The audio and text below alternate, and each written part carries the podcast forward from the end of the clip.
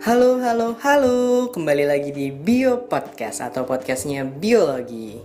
Oke, kita perkenalan dulu yuk. Di sini kita bertiga, tapi yang akan membawakan episode kali ini adalah saya yang membawakan siniar berbasis pendidikan dan lebih tepatnya biologi untuk menemani kalian semua agar mendapatkan ilmu yang informatif dan menemani kalian di rumah aja. Ingat ya, di rumah aja. Kalau mau keluar untuk yang penting-penting aja dan jangan lupa protokol kesehatannya dan jangan lupa juga untuk selalu cuci tangan. Oke, kali ini yang membahas tentang seputar biologi. Oke, kali ini saya bakal ngebahas tentang ya bab-bab awal atau sebelum memulai mempelajari biologi, kita harus tahu ya biologi itu apa sih sebenarnya. Oke. Di bab ini akan ngebahas tentang hakikat biologi. Oke, yang pertama itu nih ya, ada karakteristik biologi sebagai ilmu. Di sini kita tahu kan, kalau ilmu biologi itu merupakan bagian dari sains yang memiliki karakteristik yang sama dengan ilmu sains lainnya. Adapun karakteristik ilmu pengetahuan alam atau sains seperti biologi ini nih memiliki karakteristik loh seperti ini, yang pertama, objek kajian berupa benda konkret dan dapat ditangkap indera, yang artinya benda ini nyata. Oke, yang kedua itu ada dikembangkan berdasarkan pengalaman empiris atau pengalaman nyata.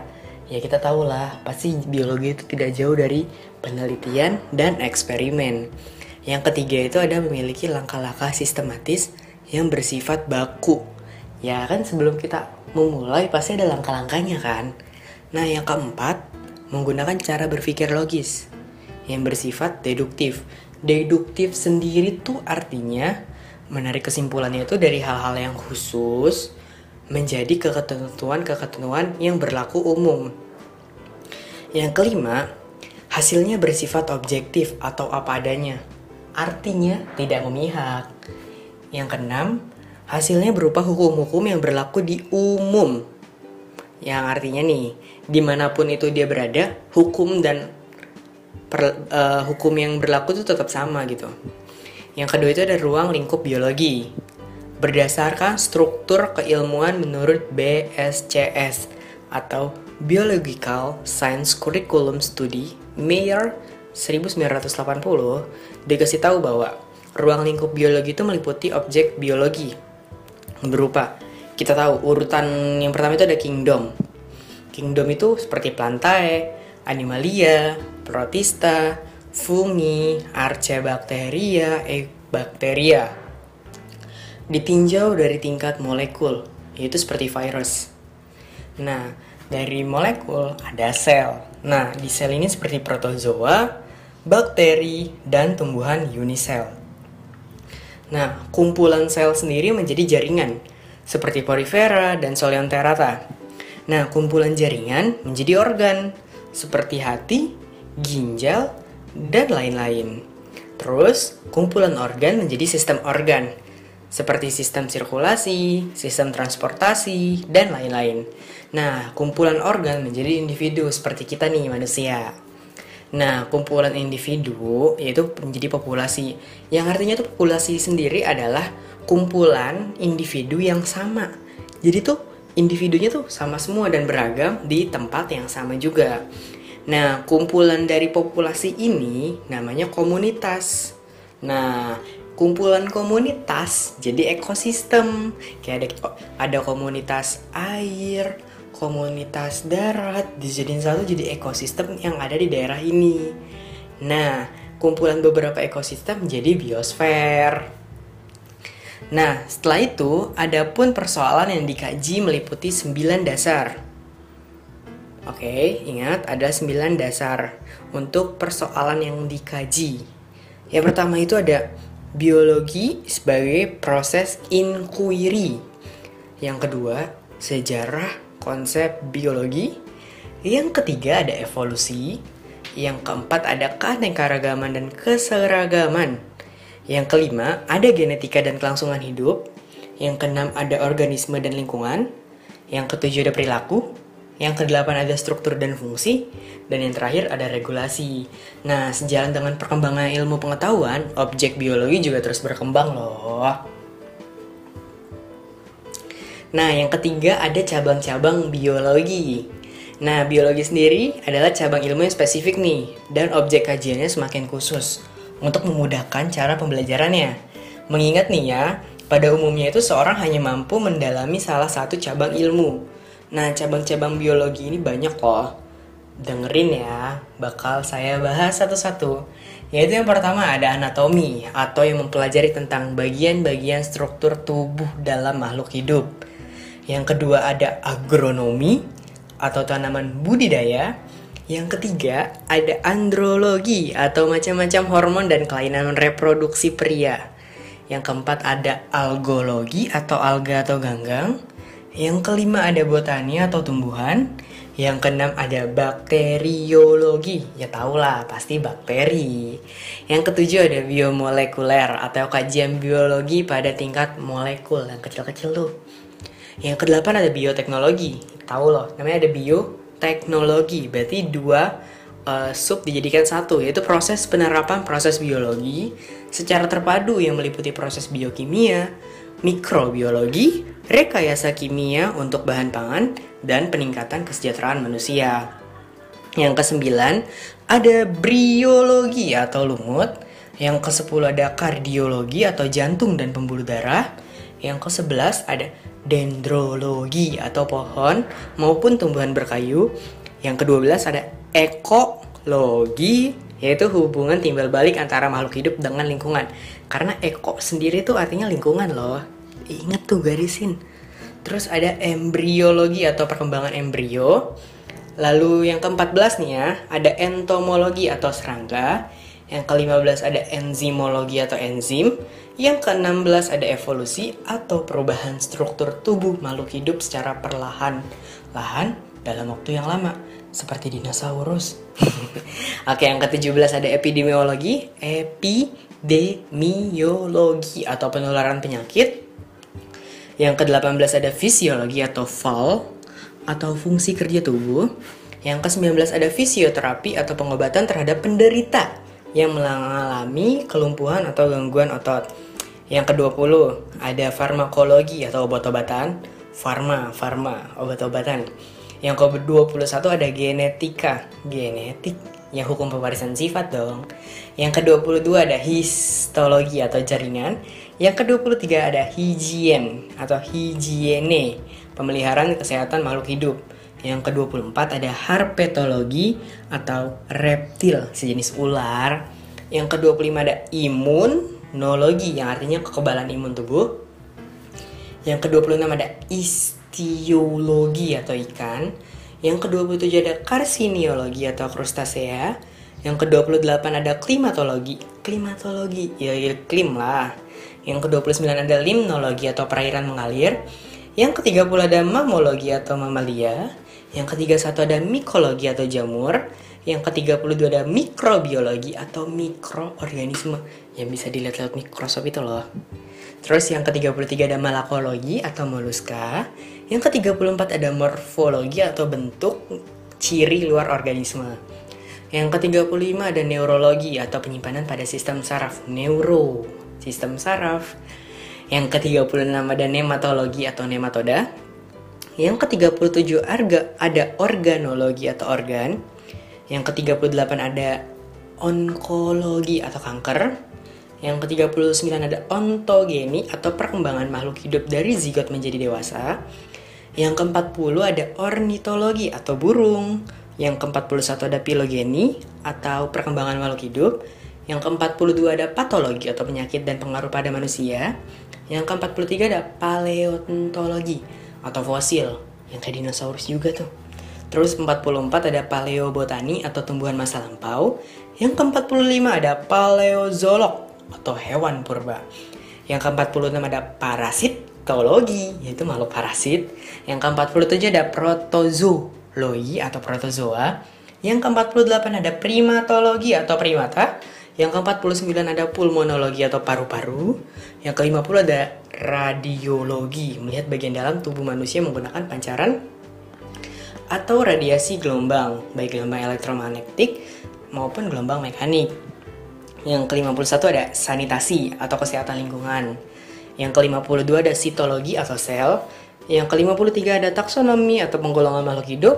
Yang ke-54 ada teratologi atau cacat janin dalam kandungan. Nah, yang terakhir nih, ada virologi atau virus. Nah, banyak banget kan. Makanya kita cari-cari aja yang mudah diingat dan kalau misalnya di soal sih paling tanyanya sebutkan 10 yang Anda ketahui tentang cabang ilmu biologi. Ya udah, nggak usah ribet-ribet, cari yang menurut kalian itu enak didengar oleh kalian dan gampang dihafal. Oke. Yang keempat nih, Kalian tahu kan, biologi itu tidak terlepas dari namanya penelitian dan eksperimen. Yang artinya, kita juga harus nih ada tahu metode ilmiahnya. Ngapain aja sih sebenarnya sebelum kita mulai, oke? Okay? Oke, okay, kita bahas ya. Yang keempat ini ada metode ilmiah. Nah, metode ilmiah ini meliputi yang pertama, ingat, merumuskan masalah. Jadi kita mikirin dulu, masalah apa ya? Oke, cara perumusan masalah sendiri itu dibagi menjadi tiga lagi loh. Yang pertama, apakah variabel bebas berpengaruh terhadap variabel terikat? Oke. Nah, yang kedua, bagaimana pengaruh variabel bebas terhadap variabel terikat? Beda, tau kan bedanya? Yang pertama itu apa? Itu adalah apakah berpengaruh. Yang kedua, bagaimana pengaruhnya? Ngerti kan? Oke.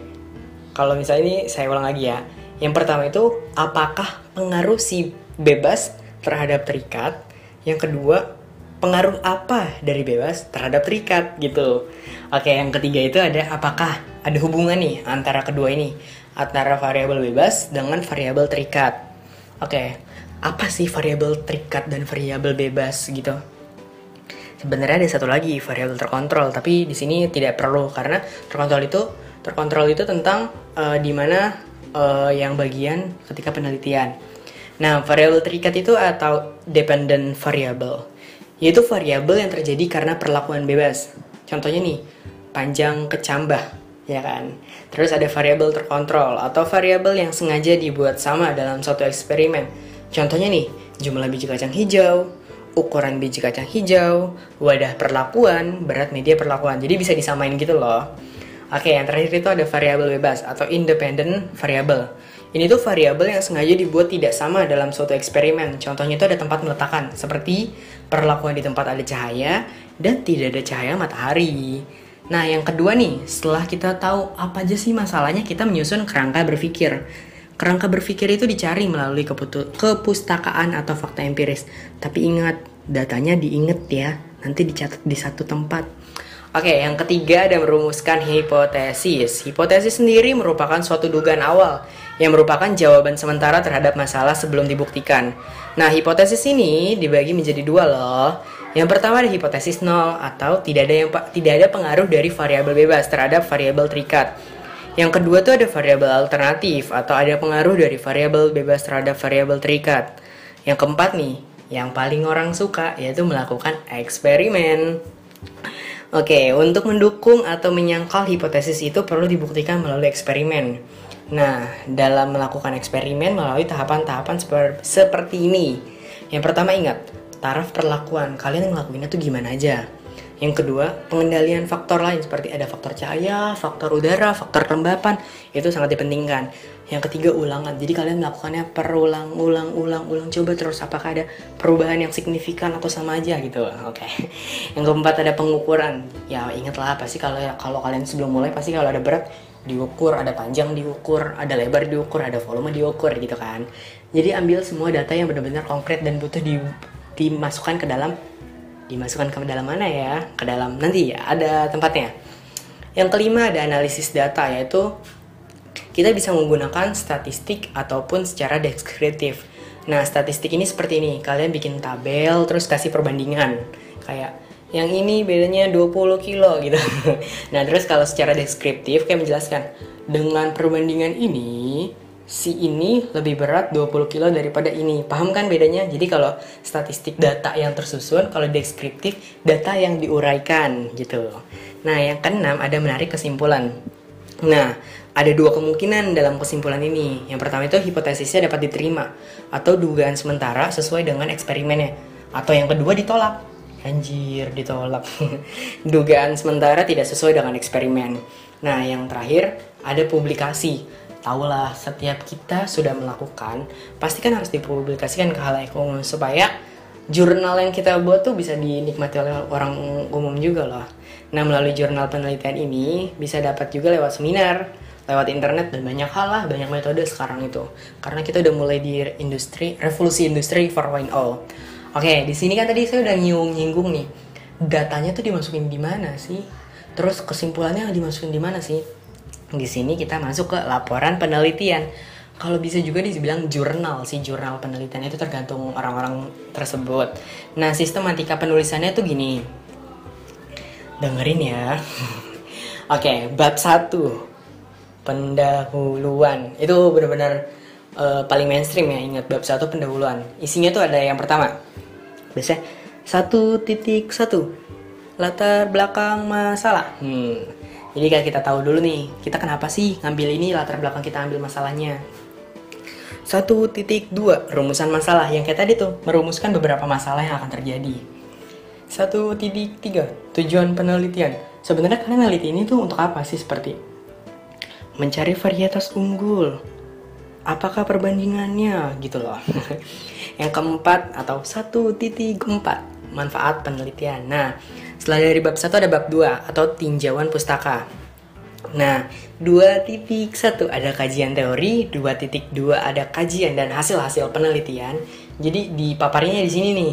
Yang 2.3 rumusan hipotesis baru kita bikin dugaan awal. Apakah ini, apakah itu, anjay. Nah, di bab yang ketiga atau metode penelitian ada 3.1. Ini lumayan banyak loh. Ingat metode penelitian bab 3 3.1 ada variabel dan definisi operasional variabel. Jadi kita menjelaskan dulu nih variabel kita tuh apa aja dan ada daerah operasional apa aja di variabel tersebut. Nah, di titik di 3.2 ada rancangan penelitian. 3.3 sasaran peneliti, sasaran penelitian seperti populasi dan sampel yang kita ambil. Yang 3.4 ada instrumen, alat dan bahan. Oke, ini paling sukaan saya nih biasanya nulis alat dan bahan doang. 3.5 ada prosedur pelaksanaan penelitian. Seperti sebenarnya gini kayak langkah awal gini langkah ini langkah ini. Jadi dijelaskan supaya nanti sang pembaca juga tahu gimana cara penelitiannya. Nah di 3.6 ada rencana analisis data 3.7 ada jadwal penelitian. Misalnya, kenapa ada jadwal? Karena bisa aja nih penelitian kalian berhari-hari, berminggu-minggu, berbulan-bulan, atau bahkan bertahun-tahun meneliti apa tuh benar-benar hebat sekali kalian oke okay? yang bab keempat ada data dan pembahasan yaitu 4.1 deskripsi data kita deskripsiin dulu isi datanya oke okay? di uh, eh, 4.2 ada interpretasi data yang keempat titik tiga ada uji hipotesis di sini baru hipotesis kalian tadi di awal kita uji lagi di sini oke okay? di 4.4 ada pembahasan nah pembahasan ini sebenarnya orang pikir kayak susah banget sih pembahasan itu sebenarnya inti dari semuanya adalah kesimpulan tapi nggak secara menyeluruh kayak kalian ngebahas apa aja nih yang kalian udah lakuin di penelitian tersebut? Karena kesimpulan ada ada tempatnya lagi. Yang bab 5 atau kesimpulan dan saran itu yang 5.1 ada kesimpulan. Kalian ngasih tahu kesimpulan dari awal penelitian sampai akhir penelitian. Nah di 5.2 ada saran. Saran apa sih untuk membaca supaya apa yang kalian kasih tahu tuh ya ada sarannya gitu Nah, terus habis itu ada daftar pustaka. Daftar pustaka ini adalah kajian-kajian yang tadi, apa namanya? Uh, kalian ngambil data dari mana aja harus dimasukkan di daftar pustaka. Karena kalau misalnya kalian nyomot data yang konkret itu pasti punya orang. Kalian nggak boleh main ambil aja karena itu namanya plagiarism. Nah, biar nggak plagiari plagiarism, kalian ambil di daftar pustaka. Masukin tuh sumbernya di daftar pustaka. Kalau bahasanya tuh kayak historinya tuh apa aja kalian kayak udah searching banyak tuh ya udah kalian masukin di daftar pustaka. Nah yang terakhir ini ada lampiran. Lampiran sendiri tuh sepertinya seperti kayak gini. Biasanya kalau ada penelitian kalian foto, penelitian foto. Nah foto-foto itu dimasukin di lampiran sebagai bukti supaya penelitian yang kalian buktikan ini adalah konkret datanya. Nah yang kelima nih kan, kan kita udah udah tahu nih gimana cara ngebuat data, terus analisis data buat laporan. Nah sekarang sebenarnya biologi itu buat apa sih? Oke, di sini ada peran ilmu biologi. Ini secara garis besar aja karena biologi itu kan luas. Kalau kalian mau pelajarin lagi ya, cari tahu lagi lebih dalam. Yang pertama itu di bidang kedokteran dan kesehatan. Ya tahulah, kesehatan dan kedokteran itu tidak lepas dari ilmu biologi. Contohnya tuh ada transplantasi organ tubuh manusia seperti ginjal, jantung, sumsum -sum tulang belakang, dan hati. Nggak semua ya, ingat cuma beberapa organ doang yang bisa ditransplantasi. Nah, terus di bidang pertanian ada penemuan bibit unggul melalui seleksi, persilangan, dan radiasi. Makanya tuh kadang kalian akan belajar di mana ngelihat mangga besar dan manis. Kok bisa ya padahal pohon sebelah dengan tanah yang sama terus dengan pohon yang sejenis kok mangganya biasa aja. Nah, ini bisa ada yang namanya uh, rekayasa genetik gitu loh. Terus yang ketiga ada bidang perikanan dan peternakan, yaitu seperti menciptakan hewan varietas unggul melalui seleksi buatan. Nah, makanya kalian kadang kalau melihat nih, sama tuh tadi kayak pertanian, ngeliat ada ikan kok tiba-tiba gede banget ya. Padahal sebelahnya sama aja, makanannya sama aja. Apa nih yang bikin beda kayak gini? Nah ini nanti bakal ada namanya rekayasa genetik. Kalian bakal belajar lebih lanjut di bab itu. Bakal ada waktunya kok, tenang aja, nggak usah panik. Yang keempat ada bidang industri seperti serabut bulu domba, kapas, dan kepompong. Kayak kalian bingung gak sih? Kepompong sekecil itu bisa jadi baju kalian sekarang yang kalian pakai gitu. Itu adalah suatu yang kayak, wow, biologi itu hebat ya ternyata. Bisa mengubah apa aja Oke, okay. tau lah kalau misalnya udah mempelajari ilmunya pasti ada dampak kan. Nah di sini yang terakhir yaitu dampak perkembangan biologi. Nah taulah dampak itu ada dua positif dan negatif. Di sini dampak positifnya itu seperti yang pertama nih, membantu dalam menemukan dan mengembangkan bahan kebutuhan pokok manusia seperti bahan makanan, pakaian, peralatan, dan perumahan serta energi. Tahu kan biologi itu luas, jadi bisa aja tuh energi kayak kok bisa ya kincir angin bisa menjadi listrik? Nah, itu bisa masuk ke biologi juga loh. Nah, yang kedua, ada menemukan berbagai penyebab dan pengobatan berbagai macam penyakit, baik hewan, manusia, maupun tumbuhan. Tahu kan? Karena penyakit itu ya datangnya dari kita dan kita juga yang harus menyembuhkannya. Nah, yang ketiga ada penemuan bibit unggul baik hewan, ternak maupun tanaman pertanian.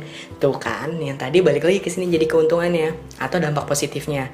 Yang keempat, menyingkap rahasia proses-proses kehidupan, pewarisan sifat dan gen. Kalian pasti bingung kan kayak tiba-tiba ngeliat kok ada ya orang tua yang satu tinggi putih, yang satu tinggi coklat kematangan. Kok tiba-tiba anaknya coklatnya coklat banget gitu. Kok bisa kayak gini? Nah, ini ada pewarisan sifat. Nanti kalian bakal belajar lebih lanjut di bab pewarisan sifat. Nah, yang keenam, ada kok kan enam kelima dulu lah ya mengkaji dan melestarikan seluk beluk lingkungan lebih dalam dengan tujuan untuk kelestarian kehidupan jadi kalian bakal tahu nih di dalam lingkungan tuh ada apa aja dan bakal kalian rinciin bener-bener rinci oke yang keenam pengelolaan limbah rumah tangga dan industri yang lebih ramah lingkungan dengan menggunakan organisme pengolah limbah yang telah ditemukan ya taulah sekarang dunia itu lagi banyak limbah yang limbahnya sendiri itu adalah salah satu faktor gimana cara kita untuk menghilangkannya. Nah banyak kok peneliti lagi membuat gimana caranya limbah tersebut bisa diselesaikan dengan proses biologi. Nah, tidak sedikit pula nih orang yang menyalahgunakan perkembangan ilmu biologi sehingga menimbulkan dampak negatif seperti ini. Yang pertama tuh ada digunakan untuk senjata biologis seperti bakteri dan virus yang mematikan dan dapat digunakan sebagai senjata biologis untuk memusnahkan manusia. Ini benar-benar salah. Di mana Tuhan memberikan ke kita ilmu biologi yang baik, yang benar, yang ditujukan untuk kemaslahatan orang banyak dan ini malah memperburuk. Jangan sampai kayak gini ya. Karena setinggi-tingginya ilmu itu adalah yang terbaik untuk kita berikan ke orang lain, bukan kita musnahkan ke orang lain ya.